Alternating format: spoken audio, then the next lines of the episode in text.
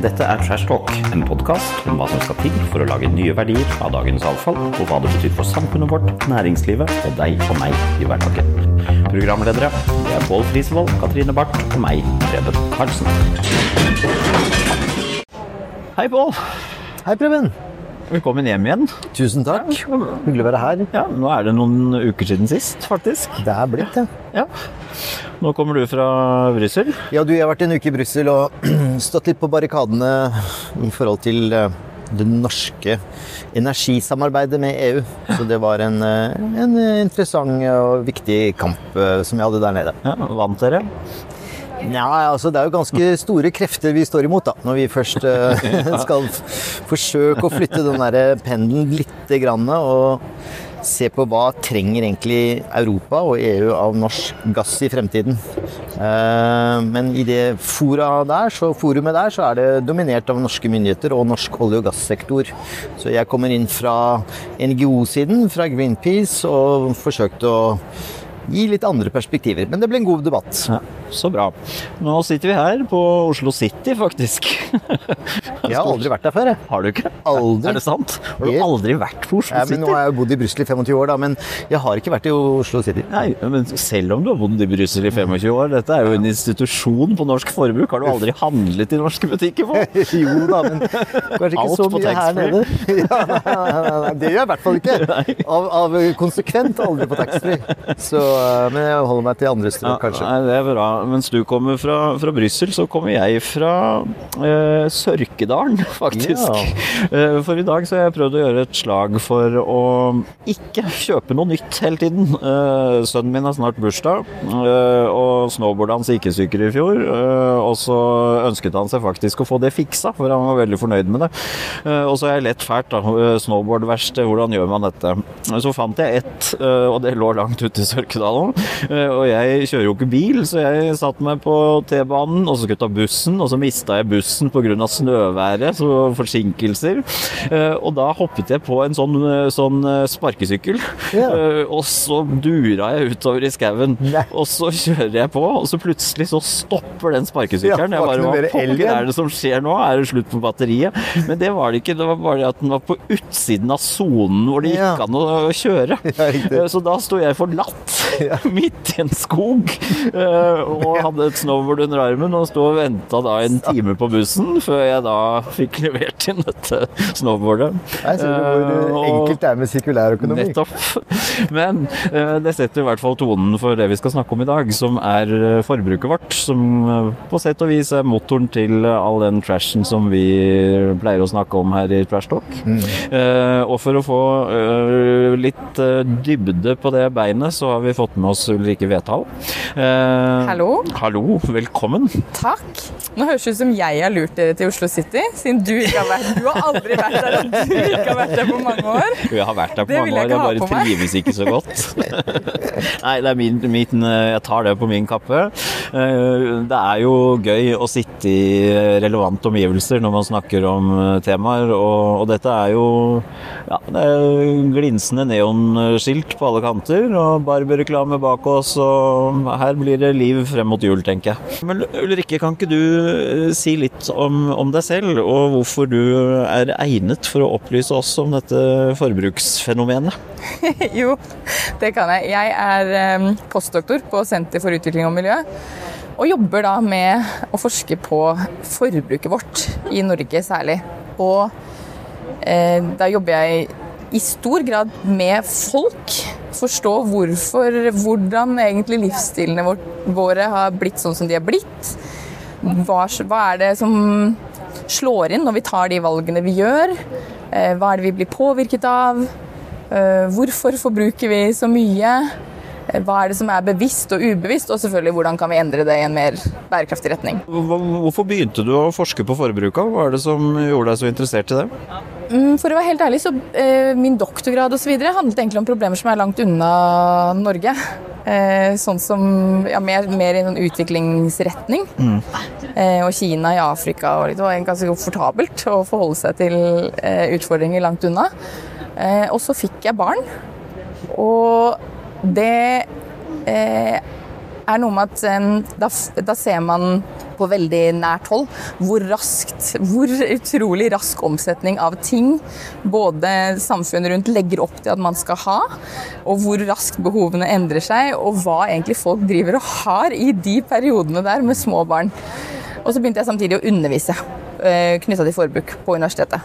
Ja. Og da valgte jeg rett og slett å endre retning. For det ja. Du så at det var et behov der? å forske det på det? var absolutt et behov der. Det har vært lite kommunisert ja. rundt det, mm. i Norge særlig. Vi har i liten grad en diskurs før kanskje de aller siste årene som handler om hvor ille det står til med forbruket i Norge og andre tilsvarende rike land. Vi har veldig Vi har fokusert veldig mye på produksjon. Fokusert, I Norge har vi fokusert på olje og gass særlig. Og så har jo fokusert på effektivisering. Og da altså finne måter å effektivisere produktene våre på, sånn at vi egentlig kan leve sånn som vi alltid har gjort. Mm. Vi har i liten grad fokusert på at forbruket i seg selv er for høyt, går for fort, skaper avfall. Alle disse tingene her. Det har vært litt sånn ut av syn, ut av sin-mentalitet knytta til det. Eh, så akkurat på formidlingssida så tenker jeg at det er i hvert fall mye arbeid som står igjen. Det er guffen ting å drive og snakke om, da. For det er jo det som betyr at vi må endre oss, egentlig. Altså sånn, eh, og det pleier vi jo ikke å like så godt. Eh, så, så det, er, det, er, kanskje litt av svaret, Pål. At Ja, og så det er jo morsomt å registrere da, i hele diskursen, altså i hele det som er retorikken i å forklare norsk økonomi, så heter det at byttefaktoren har mm. matchet veldig godt. Vi har produsert ting som verden trenger, og vi har kjøpt ting som vi trenger. Mm. Og i den forklaringen, i den virkelighetsforklaringen, så ligger det jo i en lineær økonomisk modell. Ikke sant? At vi skal selge olje og gass, og vi skal kjøpe klær og ting. Mm. Basta. Så det er noe med at de som driver den eh, hva skal vi si, liksom, sosialøkonomiske eller samfunnsøkonomiske modellen, ikke har tatt inn over seg at det er faktisk en endring på gang her, da. Nei. Ja, og jo raskere det da går mellom produksjon, bruk og kast, jo ja. bedre går det egentlig ja. økonomisk. Ja, riktig. Og vi har vært heldige. Så disse denne, externalized eh, factors har liksom ikke vært en del av, uh, mm. av regnestykket. Mm. Men hvis du skal dra opp et, et par områder, Ulrikke, som, som, på en måte setter litt sånn standarden på hvor vi står i forhold til forbruk i dag, har du, har du lyst til å gjøre oss klokere? Eh, ja, det er ganske mye å ta av, dessverre, i norsk kontekst.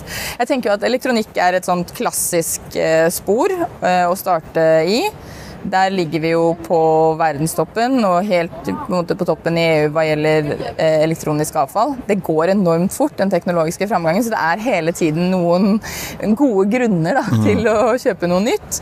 Og så er det denne innebygde foreldelsen eh, for at ting skal sant, slutte å, å funke. Mm. Eller ikke funker med de nye delene, kan ikke repareres osv. Hvis jeg kan bare skyte inn der, for det føler jeg er en sånn litt fordekt ja. uh, manipulering fra forbrukernes side, som vi som forbruker egentlig ikke er helt klar over. er Vi ikke det? Vi bare lar oss geleide i disse ja, delvis. Det er jo en litt sånn bransjehemmelighet, egentlig. Ja, Men ja. det var jo en løsning for å få fortgang på forbruket. Ja. Ok, Vi må planlegge for at tingene vi selger skal bli ødelagte.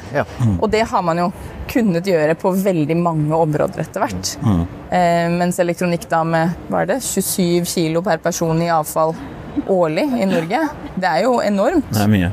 Eh, og så snakker vi om at ja, vi resirkulerer det, men det betyr jo at vi i stor grad bare får det ut i noen Det er noen systemer for å få det ut av mm. Norge, og så ender det opp et eller annet annet sted. Mm.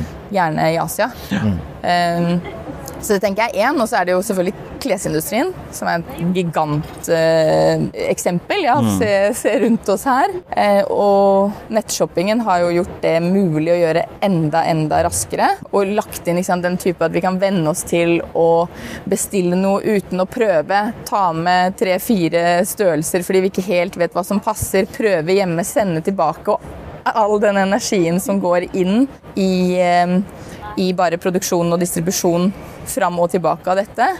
I tillegg til at vi også vet at veldig mye av det som returneres i den type systemer, ikke engang går tilbake i økonomien, men blir avfall. Selv om det ikke har vært brukt engang. Ja. Det er vel noe sånt som hvert femte klesplagg eller noe sånt som vi kjøper, som vi heller aldri bruker, så vidt jeg vet. Det er i hvert fall et veldig stort tall. Og gjennomsnittet er vel at alle klesplagg brukes i gjennomsnitt syv ganger i hele verden. Er det sant? Det er Syv sant. ganger? Ja. Det er helt, Gjennomsnittlig. eh, Ja, Det er helt sinnssykt. Men øh, når vi øh, ser på undersøkelser om hvordan folk vil leve livene sine, så sier man jo sånn 70-80 jem- jevnt over at de ønsker å ta mer bærekraftige valg, de ønsker å gjenbruke mer, de ønsker alle de riktige tingene. Men så ser man på de faktiske liksom, salgstallene og sånn, så, så skjer det jo tilsynelatende ingenting. Eller det skjer vel mer at det blir verre, ikke sant? Altså, hvorfor er det så lang avstand mellom liv og lære? Det er selvfølgelig både det at det er noe helt annet å eh, ønske å gjøre noe annet, versus å faktisk gjøre det. Eh, vi er ikke vant til å skulle ta valg hele tiden. Vi opererer ganske mye på automatikk, så vi fortsetter å gjøre det vi på en måte er programmert til å gjøre. Det er sånn hodene våre fungerer. Vi skal ikke for hvert eneste, hver eneste korsvei stoppe opp og tenke hva er det mest bærekraftige. Vi gjør stort sett det vi har gjort før, det vi har erfaring med. Det på en måte systemet rundt oss eh, leder oss til å gjøre. Eh, Sånn at det, ja, så det er både måte, disse vanene og rutinene, hva vi er vant med, og også hva alt det materielle rundt oss sier at vi burde gjøre. Og per nå så er det jo ikke sånn at vi har veldig gode alternativer til den lineære økonomien. Det var jo ditt eksempel her i starten med reparasjonen. ja, eh, helt ærlig. det var et godt eksempel på det. Altså, det er ganske mye mm, krumspring da, for å få til å reparere eller ta vare på områder osv. kanskje, men å, å bruke klærne våre 14 ganger i snitt istedenfor 7, da. Altså det, det må vi jo få til. Det burde vi helt Ja. klart eh, klare. Og der tenker jeg det kommer inn mye sosiale forventninger og normer. Hva, hva er anledningen? Hva er det forventet jeg skal gjøre her? Hva er det forventet jeg skal gjøre her? Vi er enormt normstyrt. Og for mange så er det jo den Så kan man nesten bli voldsomt frustrert av å ikke eller å oppleve at eh, alt rundt en trekker i motsatt retning enn det at man kanskje ønsker å leve mer bærekraftig. Man Opplever på en måte at hverdagslivet krever høyt forbruk. Ja, den der eh, man kan ikke bruke samme kjole på fest to ganger. eh, Ja. Men opplever du at det er andre faktorer enn prisfaktoren som kan spille noen rolle her? Ikke sant? Vi har jo ikke de økonomiske insentivene. Det er jo punkt én. Og så kan vi si hvordan, hvordan klarer vi å prisjustere dette her, slik at det blir uh, uh, hva skal vi si, mer representativt for å drive utviklingen sånn som vi gjør på andre områder. Elbil f.eks. så har vi kuttet moms, vi har kuttet avgifter, og så har vi fått en kjempesuksess med å få bilene fra fossil til Og det er jo noe sånt vi må gjøre innen tekstil og elektronikk. Men der har vi vel ikke de samme prismekanismene. Vi har jo noe å gå på på momssida. Altså Ja. Moms på bruktøy, moms på reparasjoner, alt dette her. Som den ene regjeringen etter den andre har avslått Ja. pga. Fordi Finansdepartementet. det er Altså selvfølgelig, det er jo en inntekt Ja. som man må finne en annen måte å, å, å få inn på. På. Mm. Eller kompensere på, ja. Eh, Men samtidig så er det også vanskelig bare å løse det med momsen. Altså Det er såpass vanskelig i dag å drive med bruktsalg og drive med reparasjon og få det til å gå Gå rundt. rundt, egentlig. Eller få noen form for eh, overskudd på det. At man trenger de 25% inn i driften, ikke nødvendigvis for å sette ned prisene mot forbruker. Det, ja, det må nok subsidieres på andre, på andre vis. Jeg tror hvis man går den veien der, så må man jo sy opp hele verdikjeden på en Ja. annen måte. Altså fra produksjon og hvordan ting lages og hvordan det repareres. Det må bygges opp for storskalareparasjon og mye Mm. mer effektive prosesser, som jo er krevende og tar tid og, og, og er dyrt. Ja, for vi har jo, Det er jo en grunn for at vi har flytta produksjonen, store deler av Ja. produksjonen til helt andre deler av verden. Ja, ja, ja. Det er jo for at det skal være billigere. Og en sirkulær lokal økonomi som ikke er ressurskrevende, ved at vi liksom skipper det fram og Mm. tilbake for ulike deler av produksjonskjeden over hele verden, da må vi jo ha den her.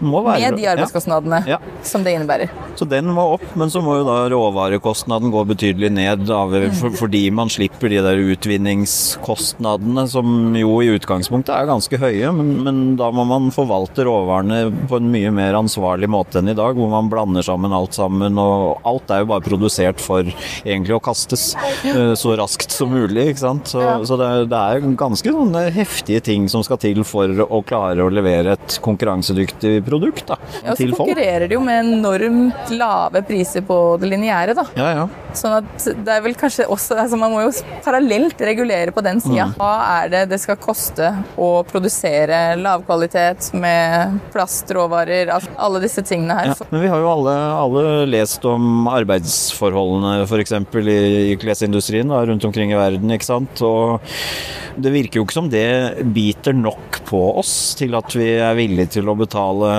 den prisen vi kanskje burde betale for et, et ordentlig klesplagg.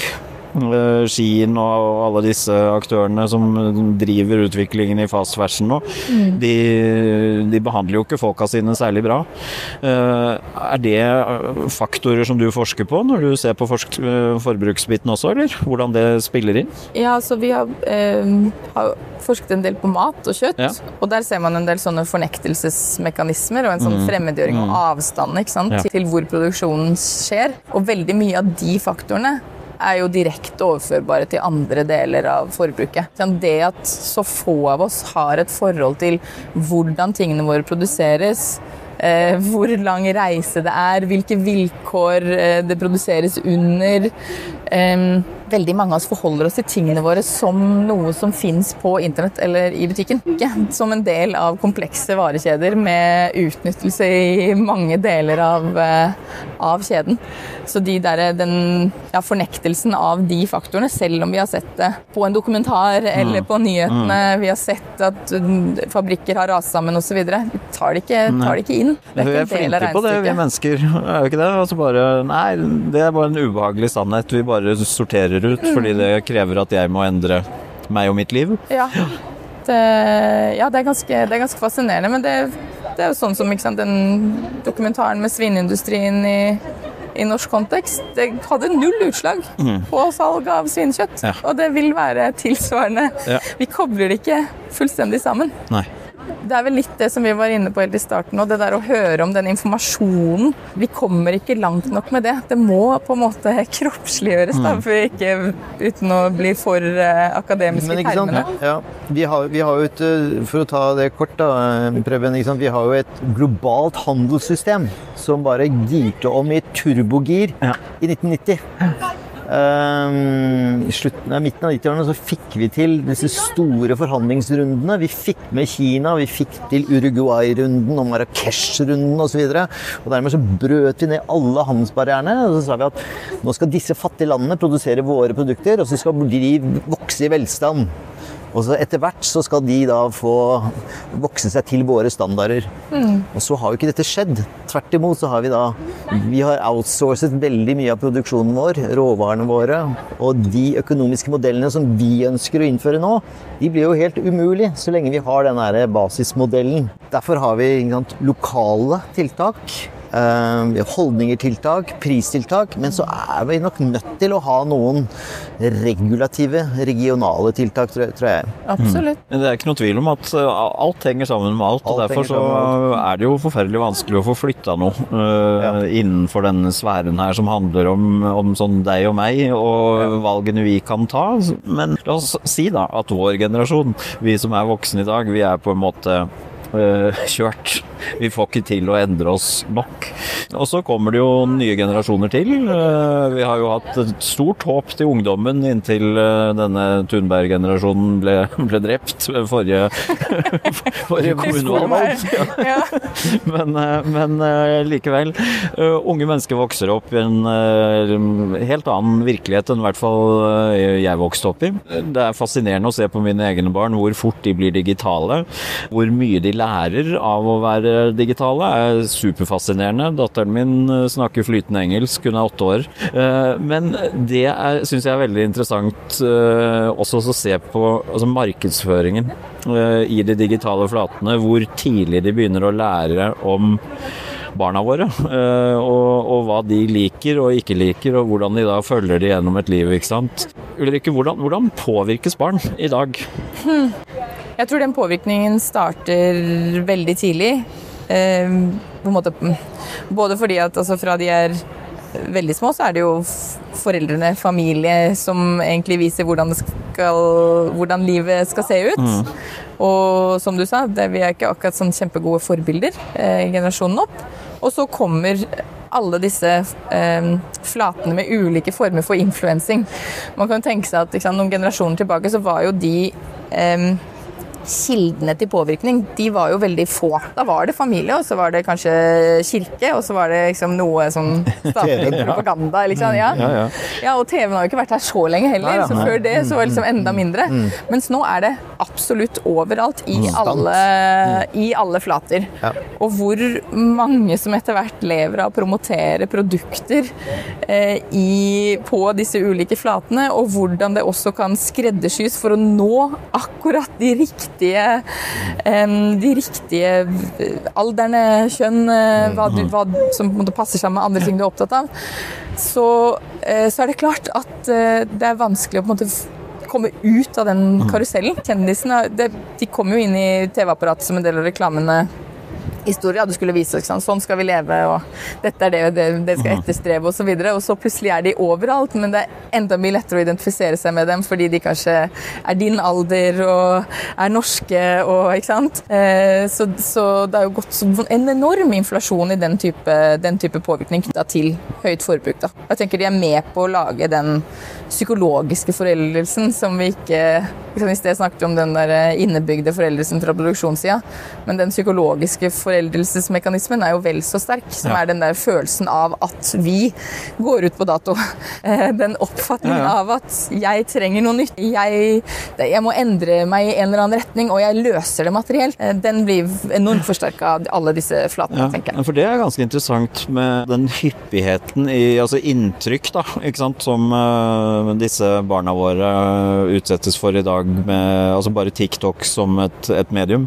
Ekstremt korte budskap, og de endrer sånn smakk, smakk, smakk, smakk, smakk, og det er mer av det samme, mer av det samme, ikke sant. Hvis du liker fotball, så det toger jo på med verdensklassespillere som gjør helt sykt kule ting i det ene øyeblikket, og i det andre øyeblikket så fråtser de i luksus og kjører eh, 300 forskjellige Ferrarier, ikke sant. Så de der idealene de får inn på hva som er kult eh, tidlig, er utrolig interessant hvor effektivt det sannsynligvis er, eh, men, men også den derre den, Bare den digitale hyppigheten, vil det påvirke også hvordan man forholder seg til andre ting? Altså sånn at man må ha Man må bytte klær oftere, på en måte, i andre enden? Ja, det tror jeg nok. Ja. At når du eksponeres for x antall ulike antrekk i løpet av Ja, ja. en dag, eh, og veldig mye av det er jo direkte promotering av produkter, og når det i tillegg er tilrettelagt med de digitale strukturene som gjør at du kan klikk, klikk inn og kjøpe det direkte, og det Mm. kommer på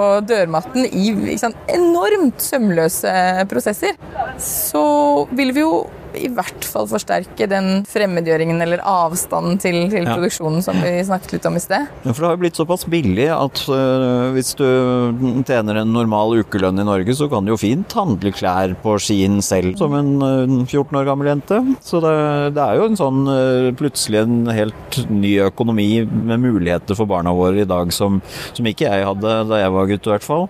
Men hva er det man, hva er det man kan gjøre øh, for å også Dempe det? Dempe det, ja, Dempe rett og slett. presset? Er det noen mulighet? Vi lever jo i et demokrati, en markedsøkonomi og Ja, det er, det er vel kanskje For ikke sant, alle disse mekanismene vi snakker om nå, kunne jo vært brukt til det gode, på et vis. Men da måtte det jo vært styrt på en annen måte, eller regulert på en annen måte. Tenker jeg, da. Dette er jo politisk igjen. Ja, ja. Men, eh, det må vi ture å være. Eh, ja. Men det er jo Altså med tanke på liksom, hvilke endringer som har blitt drevet fram i hvordan folk lever livene sine på, hva vi kjøper og hva vi skal gjøre, så har jo det i stor grad vært drevet fram av reguleringer. Eller hva vi skal stoppe å gjøre, da, i hvert fall. Ja, ja. Eh, Så er det reguleringer som har vært eh, måten å, å vært gjort det på. Men- Eller at det koster for mye, Ja, da. men forbruk i dag, det er jo ikke noe som det er veldig mange som snakker om at vi skal stoppe med, egentlig. Altså Hvis du følger med i media og sånn, så er det jo snarere full katastrofe hver gang det går litt ned. Mm. Eh, Forbruket vårt detter, så er det det brenner på dass, og nå må alle ut og, og kjøpe mer, har jeg inntrykk av. Arbeidsløshet og Ja, ja. det andre. Mm. Uh, og, og, og, og hvordan skal man, uh, hvordan skal man klare å, å etablere en form, en form for liksom sånn større forståelse for at vi må tenke annerledes for å, å snu dette? Det er enormt vanskelig Eh, og det ser man jo, fordi hver gang noen politikere tør å si noe om at vi må redusere forbruket, så blir de jo beskyldt for å skulle dra sant, Norge tilbake til eh, gamle dager, og alle skal få det verre. ikke sant? Og det handler nok i stor grad om at vi har ingen felles forestilling eller en god fortelling om hvor hva det gode liv kan se ut som på andre siden av en sånn omstilling. Det har ikke vi. Eh, fordi vi vet ikke det. Eh, og det er sant, så mye av det som i dag anses som eh, det gode liv, eller fremgang, eller velferd, det er knytta opp mot materielle ting. Får du høyere lønn, ok, da pusser man opp litt, eller man kjøper en ny bil. Liksom. Nå snakker vi veldig sånn middelklassetermer og opp, da, men, men like, like, fullt. Eller man kanskje drar på den ferieturen som man har ventet med. Det omsettes direkte i materiell levestandard. Så vi snakker veldig lite om hvordan det gode liv kan egentlig se ut hvis vi skulle kobla materiell levestandard i litt Eh, i hvert fall litt delvis fra det, da.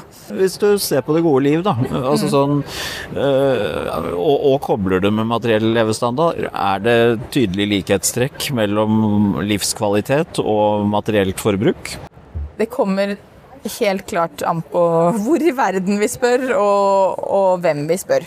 Men når vi spør folk hva det gode livet er, som vi ofte gjør i sammenheng med intervjuer om forbruk og, og endring og, og valg, da, så er det jo ikke da er det jo sant, god helseopplevelser, familie, relasjoner, veldig mye andre ting. Og natur. Natur er jo liksom superviktig eh, for folk når vi spør om det gode liv. Så å prøve å, å, skape de forestillingene og fortellingene tror jeg er helt avgjørende. Tror du folk skjønner at når de driver og forbruker så fælt, så ødelegger de i praksis naturen? Eller er det en så lang avstand mellom det å ta ut ressurser fra natur til å kjøpe noe i butikk at vi ikke henger med på det? Jeg syns det er litt farlig å skulle si hva folk skjønner og ikke skjønner. Men jeg tror det er kraftige sånne fornektelsesmekanismer der uansett. Eh, og så har vi snakket veldig veldig lenge om klima uten å koble til natur. Eh, så vi har på en måte snakket om klimautslipp som noe eget, og det er det vi driver med. Uten å koble natur og klimakrisen sammen, og uten å snakke om eh, materielle ressurser som, som også på en måte et like da, eh, stort problem som, som klimautslipp. Og det gjør at den, det, er van, det, er vanskeligere for folk å se alle disse tingene i sam, sammenheng, tror jeg. Der er det jo noe i forhold til hvordan man regner utslipp i Norge, så er jo ikke vårt forbruk inkludert i det vi teller når vi skal levere på, på målsettingene i Pariserklæringen osv. Ja, altså du, du, kan si at de varene som vi kjøper inn, de er produsert, er produsert i et annet land. Ja. Og klimagass og naturødeleggelser det skjer de, der. De skjer der, som ja. ikke vi er ansvarlig for. Mm. Så hele det systemet er jo konstruert feil. Ja. Og det samme vi, eh, nyter vi godt av. Mm. fordi at den oljen og gassen Nettopp. som vi finner, den brennes et annet sted. Så da står vi bare for 3% i produksjonsfasen. Ja. Er det noe som skjer uh, i forhold til å, å, å, rekonstruere det systemet? Altså internasjonalt i EU og sånt nå, eller ligger det fast? Ja, altså, du har noen, noen små tegn, eller du har et viktig tegn. Eh, men det har begynt på industri og energi, som er denne karbongrenseskatten, eller karbongrensejusteringsavgiften. Eh, men det, har, det, er jo bygget på det samme prinsippet, så vi kommer mm. ikke helt i mål der heller. Nei. For det betyr bare at eh, de utslippene som produktet ditt har sluppet ut i det landet det ble produsert, det skal du betale for når du importerer det. Så da tar du i hvert fall litt Du må ta hensyn til det. Men du kan si at hele den modellen den har ikke man turt å gå nok inn i. Den er Nei. veldig sementert. Det er et stort, stort problem. Men jeg har lyst til å utfordre Ulrikke, for at hun sa noe eller Dere var inne på noe som jeg syns er veldig interessant. Dette med liksom, forståelsen av hva er et godt liv i vår eh, vestlige, markedsdominerte forbrukerland. Eh, nå sitter vi her og ser på alle butikkene rundt oss, og vi ser bl.a. på Barbie, som har en sånn kjempeplakat fra den filmen. Mm. Som er kanskje noe av det mest uh, det, det, det, det, lengste vi har kommet til uh, forbrukermodell. Um, hva gjør vi for å skape gode idealer? Altså, hva gjør vi for å stå imot slike visjoner som hele tiden driver altså, alt vi ser av um, at vi hører på radioen, ser på TV, ser på film, eh, hvor som helst, så er jo alle er jo veldig sånn livsstilsorienterte. Hvordan endrer vi på den livsstilshistoriefortellingen? Eh, Altså Når vi snakker med folk, så er det det at det skal så lite til før man er alternativ i norsk kontekst. Det skal så lite til før man er litt utafor. At man faller liksom utafor det normalbildet. Så veldig mange av de eh, som er våre informanter, som snakker om at de forsøker å leve mer bærekraftig, de opplever jo veldig mye motstand i livet, også sosialt, av det. En ting er liksom de materielle strukturene, det er vanskelig. Men også sosialt. At det skal liksom lite til før eh, du faller utafor referanserammene til venner og familie og omgangskrets. Så den der kampen og de konfliktene med å forsvare valg, eh, forsvare hvorfor du velger å gjøre ting litt annerledes eh, at man rett og slett blir avskrevet og liksom eh, kverulert med og diskutert med fordi man velger å gjøre ting litt mer eh, bærekraftig, det virker å være en av de største utfordringene for folk eh, i Norge. Er nordmenn mer opptatt av på en måte å være innafor enn eh, andre? Jeg tror det. Ja. Vi er et lite land. Eh, Vi har ikke veldig sterke alternative miljøer. Eh, De er også litt sånn spredt. Og man ser fra studier fra andre, fra andre land, og også fra Norge, at hvor viktig det er å ha på en måte, få resonans i, i sitt, sin sosiale omgangskrets for å klare å gjøre livsendringer da, og livsstilsendringer. Så det at du på en måte hele tiden eh, kommer i noen sånne konflikter, både sosialt og, og, og egentlig i systemene rundt, det gjør det, det gjør det spesielt vanskelig. Men det er jo få som tør å ta tak i dette fenomenet, da. At vi er på den ene siden de som har størst tvilende til menneskeskapte klimaendringer. Fra bare USA og Kuwait som ligger over oss på den lista. Ja, Og ja som du begynte med, at vi er den nasjonen som har det høyest antall f.eks. elektronisk avfall, pluss tekstil, Mm. pluss mat.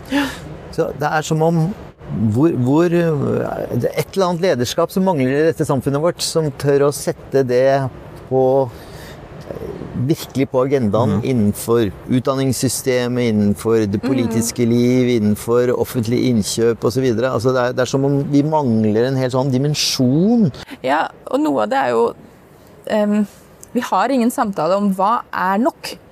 Ikke sant? Vi har ikke noe, det er ikke noe tak. Vi snakker absolutt en del om bunn, men vi har ingenting som eh, handler om hva er det som er nok, og hva, når er det det på en måte bikker til å bli liksom Sånn som vi, vi, vi er jo ganske dømmende på andre ting. Sånn, når er det blir sånn usmakelig, litt ekkelt, eller ikke sant? Det er kanskje dit vi Men Ulrikke, Trenger å hvor skal den samtalen føres hen? I samfunnet? Hvor og av hvem? Oh. Unntatt oss som sitter her på Trash Talk. Ja. Den må begynne i Trash Ja, ja. Begynner i Trash Talk, og denne her kommer til å bli hørt av veldig mange, håper jeg. Ja. Jeg tror jo at den må gå politisk.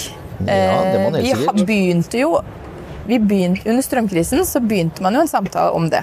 Ja. Hva er nok strømforbruk? ikke sant? Ja. Når vi skulle utforme Så du mener det er Eh. kriser som kan lede til det? Ja.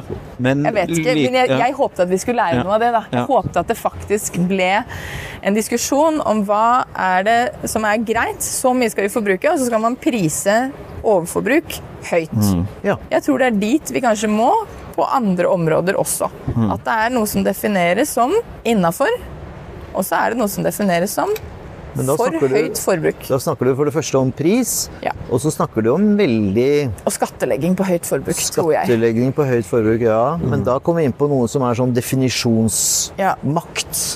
Uh, hvor vi begynner å lukte av Jeg sier ikke at det er lett. Nei, nei. nei. Eh, Ja, ja, selvfølgelig. Gå, gå down that rabbit hole. Og, eh, det, det viser jo bare hvor vanskelig det er, da. Men jeg Helt tror det, det er en interessant samtale å gå videre på. Men det er jo også i Europa. De, de har jo begynt å snakke om eh, yachter, privatfly. Skal ikke disse tingene være Ja. lov, som vi vet at genererer masse materielle ressurser, masse utslipp. Mm. De, de, diskusjonene er ikke sånn at de ikke har begynt noen steder. Eh, Men vi er ganske langt unna at det blir sånn, da. Ja, det er et stykke igjen. Jeg syns jo dette er veldig nært knyttet til den der store Jeg skal overhodet ikke snakke om det, men vi snakker ikke om EU i landet vårt. Nei. Ikke sant? Men EU har faktisk veldig mye. Veldig mye. Forhåpentligvis så, så gir Høyesterett nei til EU rett i morgen, slik at vi kan få omvelte alle. Da blir det politisk jordskjelv. Da blir vi nødt til å snakke om EU, men ok. Ja. Men poenget er at det- skjer veldig mye her. Jeg skal ikke si at det er mer snakk om det ja, EU-land enn oss, men men hele den derre tsunamien av lovgivning som kommer på disse feltene mm. eh, Hvordan kan vi få forankret det i et bredere sjikt av befolkningen enn bare oss nerder? Ja. Jeg syns jo det er interessant det du dro opp i stad, Ulrikke, med Altså, vi har ikke noen idé om hvordan samfunnet ser ut etterpå. Ikke sant? Altså sånn Hvor går veien hen? Ja. Eh, og, og det er klart, hvis du ikke har noe å glede deg til, da, hvorfor skal du gidde? Ja. Eh, så, så, altså, har dere gjort noe forskning på det? Altså Hvordan man kan på en måte skape den type altså fremtidsscenarioer, bilder, som gjør at ah, hvis jeg bare legger om litt, så blir det bedre for alle, liksom? Ehm, ja, nei, eh, vi har ikke det, men det er jo etter hvert sprunget ut ganske mye sånn det som heter future studies, hvor man prøver å lage den type fremtidsforestillinger. Men, eller, eller se hva folk forestiller seg om fremtiden. Og det går jo i flere retninger. Mye av det er jo også fryktelig dystopisk, ikke sant. Eh, Så det er ikke nødvendigvis sånn at fremtiden ser eh, Nei, det, man må håpe og- at man lykkes, da. Eh, Men det tror jeg er noe av hovedutfordringen til måte, hele klima- og miljøbevegelsen. Er å på en måte samles altså på et eller annet vis å, å samle seg rundt et eller annet sted vi skal hen. Ja, ja. eh, Som resonnerer med hva folk tenker er et godt liv. Ja, for det er veldig mye fokus på slutt med ditt og slutt med datt, men Ja. Mm. begynn med istedenfor ikke så mye, kanskje. Uh, og Så hva er det vi må begynne med, er kanskje en, et, et sted å starte, da. Eh, Vi Og da blir jo kritisert veldig i miljøbevegelsen og miljøpartiene fordi at vi er så moralistiske. Ikke sant? Og det kan du Vi også, hvis det er noen trøst. Ja, Eh, riktig. Så det er noe med det der at eh, Ja, la oss vise dem også, Men, men Breven, det er jo også slik at det er vel første gang nå at vi vil ha en lavere levestandard enn det foreldrene våre oppnådde. Så det er noe med at vi, vi har jo liksom krysset sånn Ja. tipping point. Men kan det bidra til å også dempe forbrukerpresset? Ja, så er det jo noe med altså, bare faktum i dette. ikke sant? Det går tomt for ting uh, som vi trenger for å lage de produktene vi hele tiden bruker opp. Uh, det tar jo litt tid på enkelte områder. Andre områder går det jo ganske fort uh, på. Han lederen for dette Klimautvalg 2050 la frem den rapporten, så snakket han om elbil som hans yndlingseksempel. Hva var det han sa for noe? At i snitt så tror jeg en nordmenn eide ca. én tom bil hver. Eh, og så hvis du da vet at du bruker den bilen 3% av tida, eller står den stille, så sa han jo liksom Tror man virkelig at i 2050 at det er veien, ikke sant? Og etterlyste jo da selvfølgelig helt andre modeller for å få mer ut av de eh, ressursene på mobilitet og, og skape de smarte formene for flyttbarhet og deling osv. osv. Som, som man kunne jo ha brukt hele dette elbilskiftet til. Altså alle de stimuliene, alle de pengene som ble kjørt inn for å få folk til å egentlig bare kjøpe en annen teknologi istedenfor, ikke sant. Eh, tenk om man kunne ha eh, insentivert deling og gjort liksom de fremtidens mobilitet, da, hvordan ser det ut? Men det er der jeg tror man, man, man går ikke langt nok frem da, som politiker til å, å tenke helhet i det. Jeg vet ikke. Og så er det jo sånn vi har gjort da, de siste 50 årene. er jo på en måte å bytte ut en, altså bytte ut en og en ting og gjøre de tingene litt grønnere, sånn at vi skal slippe egentlig å gjøre de større endringene og faktisk redusere. Vi skal, vi skal bare bytte ut og effektivisere. Og da får man jo også de der tilbakeslagseffektene gjerne, da. Sånn som man også kan se på elbil, at elbilen blir bil nummer to, eller Ikke sant. At man, ikke, at man kjører, begynner å kjøre mer. sånn at det, det blir jo like, like stort behov for, for veier og parkeringsplasser. og sant, alt dette. Bilen er like dominerende i, eh, i vårt samfunn som tidligere. Eller med en del sånn eh, isolering og varmepumper osv. Så, og så, videre, så har jo folk begynt å varme opp mer. Vi har det varmere inne, og vi har det varmere i større deler av huset. ikke sant? Så det, det man får de der effektene på veldig mye av, av effektiviseringa som man trodde skulle føre til sparing og, og reduksjon. Uh, og fordi man da er så redd i det hele tatt å ta tak i det som er void, eller reduksjon. Ja, og Man kan jo forstå det fra mitt nabolag. Som jeg har sagt tidligere, så bor jeg oppe i Ullevål Hageby. og Der har det vært et sånt eksperiment som noen eh, ildsjeler i nabolaget har holdt på med på Damplassen den siste tida. Hvor de hadde uh, lyst til å prøve å få vekk noen biler. Og så fikk man med seg kommunen på et sånt fire ukers testprosjekt. Fire uker. Det er ikke så farlig, tenker jeg, hva man holder på med i den fire fireуkersperioden. Men det var ikke alle i nabolaget enig i. Da er det visstnok da når de har et sånn oppstartsmøte på dette, i et relativt sivilisert nabolag, skulle man tro da i hvert fall, så står folk og buer og skriker. Er det sant? Og, ja, ja, ja. På Ullevål Hageby? Ja, ja, og, altså, vår. veldig forbanna uh, på hele dette prosjektet. Uh, Istedenfor å si ja, fint at noen prøver å, å sette i gang prosjekter og la de holde på i fire uker, så lærer vi, og så blir det bra, så blir det bra. Hvis det ikke blir bra, så, så fortsetter vi som før eller gjør noe annet. Eh, men den der enorme motstanden, da. og Det prosjektet ble for øvrig skrinlagt etter fire dager fordi det ble så mye hets og hat i Facebook-grupper og andre ting. ikke sant? Så hvis folk reagerer sånn på at man prøver å endre seg, så er det jo sånn en av de tingene som jeg alltid har trodd på, da, som er små eksperimenter for å Ja. lære. Dette var et sånt, kanskje ikke det verdens beste eksperiment, men det er i hvert fall et forsøk. Absolutt. Og det har fått meg til å liksom reflektere litt at da, da er det kanskje ikke så rart at en politiker ikke tør å gå til valg da, og si at sånn gjør vi det, og være skikkelig modig hvis det er det man møter i liksom nasjonal skala tilbake, så, så blir det ganske ubehagelig å, å ta tøffe valg i politikken. da. Helt klart. Og hvorfor er det at vårt samfunn Altså Til og med på Damplassen, hvor gjennomsnittsuniversitetsutdannelsen ligger liksom over antageligvis masternivå, eh, hvor du skulle tro at det bor folk som er ute og reist, som er belest, som ønsker endring i samfunnet. Selv ikke de kan frigjøre seg fra fire ukers prøve... Ikke sant? Du har han Rollnes, eh, nå er ikke han her, så vi skal ikke snakke om han, men den type nordmenn som bare Altså, de, de er så dyktige til å rive ned. Altså, Vi har med bygget en skole på Voldsløkka, som er jo et fantastisk sånn flaggskipsbygg. Både teknologisk, utseende, innvendig osv. Og, så og så har det blitt et gjenstand for en sånn kjempemobb. Hva er det med den norske folkesjela som er så Hva skal jeg si inngrodd da, i den derre at vi skal bare kritisere og bare rive ned. Ja, eller, og så og så er spørsmålet er det den norske folkesjela, eller er det bare en liten gruppe som skriker noe enormt høyt? da? Ikke sant? Sånn som i denne settingen her. Det, har du noe, noe svar?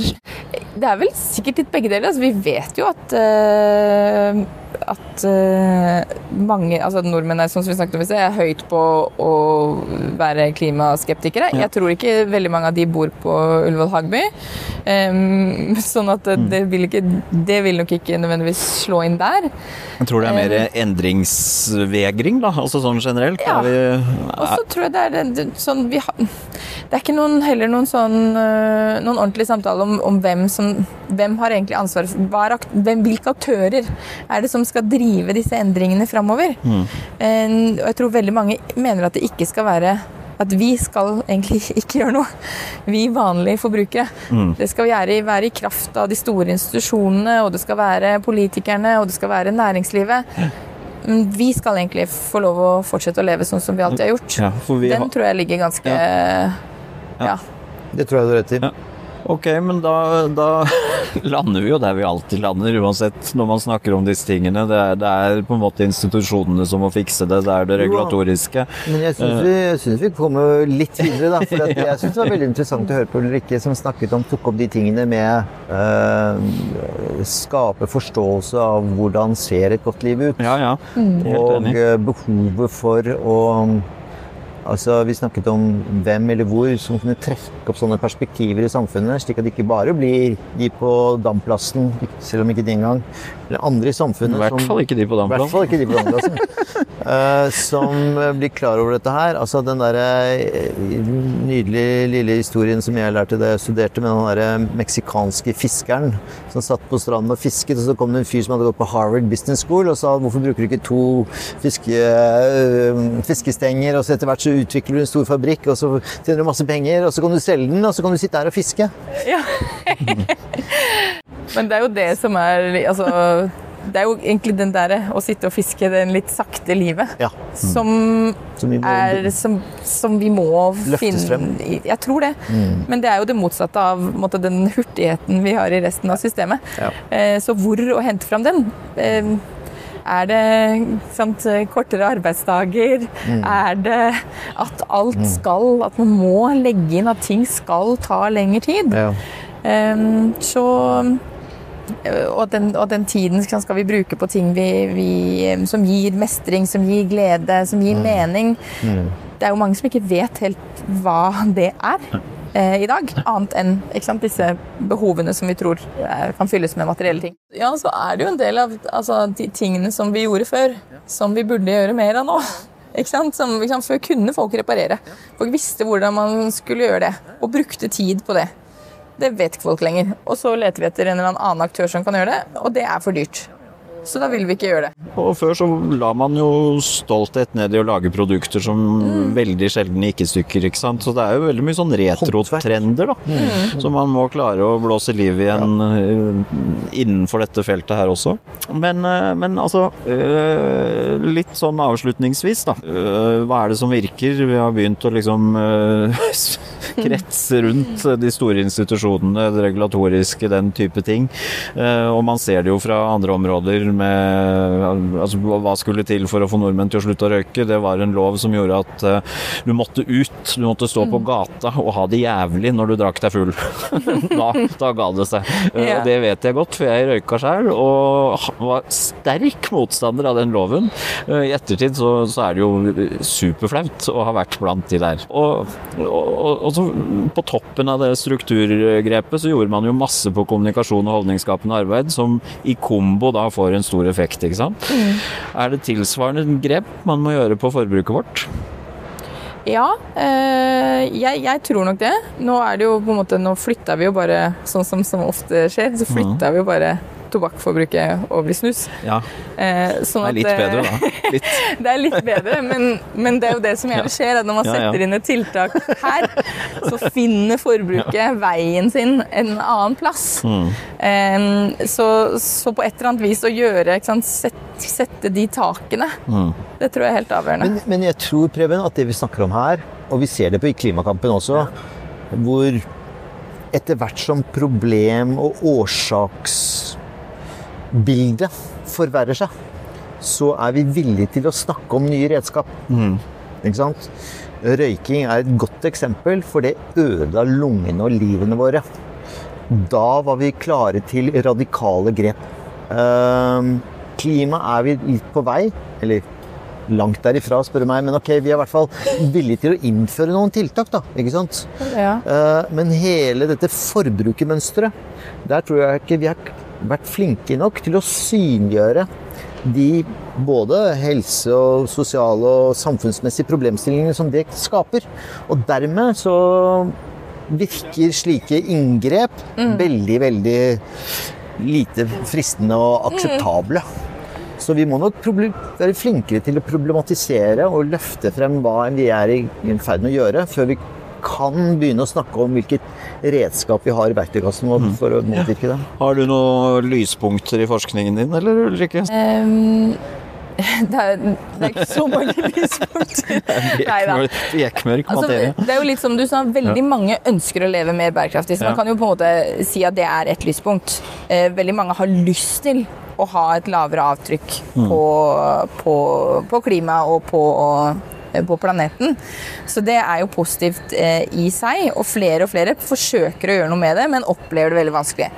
Man kan si at det er et lyspunkt. Mange virker å være mer, eller måtte ta mer tak i sammenheng med jobb. Så man kunne tenke seg at liksom institusjonene vi er en del av, i større grad enn at dette på en måte faller inn i eh, hjemmene til folk, så kunne man brukt arbeidsplassen i større grad til å, å fasilitere noen av disse endringene. For det der å være en del av noe større, eh, en del av liksom en eh, altså liksom solidaritet i det, enn at man skal sitte hjemme og føle spiser Har også naboen slutta å spise kjøtt, eller er det bare oss? den, det tror jeg hjelper. Den ja. følelsen at du er en, en del av noe, noe større. Mm. Så når en del av disse endringene kan skje på arbeidsplass og i institusjonene våre, så kan det skje ganske mye, tross alt. Vi Må begynne med det um, offentlige, da vel. Ja. ja. Eh, så får vi se hvor langt vi kommer med det. Ja, det er det. Gode forslag. Ja. Det er vanskelig den, å få til. Eh, vanskelig å få til. Men uh, det krever lederskap, ikke sant. Ja. Og tilbake til Ulrikke vi kommer ikke unna den politiske lederskapen. Nei. Hvordan vinner du stemmer på forslag og sånt, det er jo mitt problem. Men, uh, mm. så, vi jo, så, er det jo på en måte Er vi i starten av diskusjonen på starten, økonomisk vekst? Mm. Hvor, hvor, hvor, sentralt i de økonomiske modellene våre skal økonomisk vekst mm. være? Eh, hvordan skal man kunne tenke annerledes rundt hva trenger mennesker? Mm. Hvordan, hvordan skal vi organisere oss mm. uten at det nødvendigvis er det beste målet for mennesker og planeten? Hva tror du om Black Friday-salget i år, da? Tre uker unna. Nei, altså nå som det er Dette er jo vanskelige tider å skulle si at uh, Særlig å be folk om å Det koster jo gjerne mer å være bærekraftig.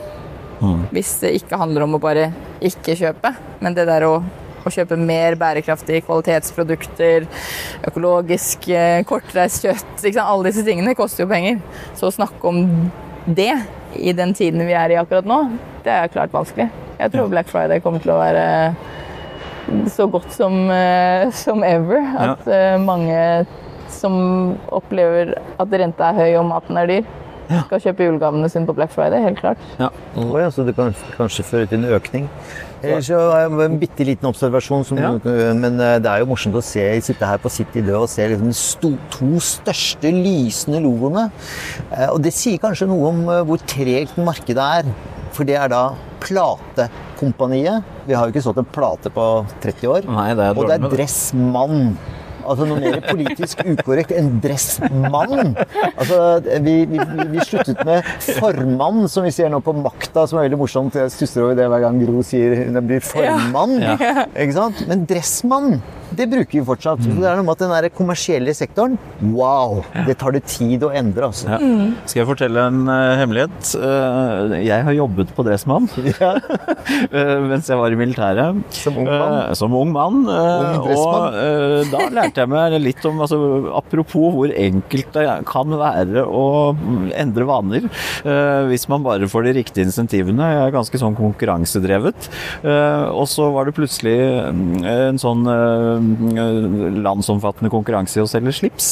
Eh, og fra en dag til den neste så solgte jeg altså så mye slips at jeg ble Norges beste slipsselger på Dresemann. Det er ikke sant, Fredrik Så det, det, det kan man jo forhåpentligvis liksom insentivere litt på andre områder også. Eh, for å få folk til å kjøpe mindre, kanskje, og selge mindre. Jo, men kanskje, slips, kanskje de som er da blitt drillet i å selge, om det er slips eller assuranse eller eh, boliger. Det er de salgsfolka der vi skal bruke ja. til å selge våre konsepter. For vi må bli like flinke som den. Man må det, for det er rart når folk kommer og skal ha et par sokker, og så ender man med å liksom By the way, ja. du er ikke ute etter et slips i dag, eller? Og så får du faktisk solgt noe jo, men, innimellom. Men du er ikke ute etter et brukt slips? Eller, du er ikke ute etter ingen slips? Ingen slips. Skal du kvitte deg med La oss bare Slips. Trenger man egentlig slips? Er det et unødvendig det er, produkt? Det er på en måte Kall det dress down. ok, okay. Dette var gøy.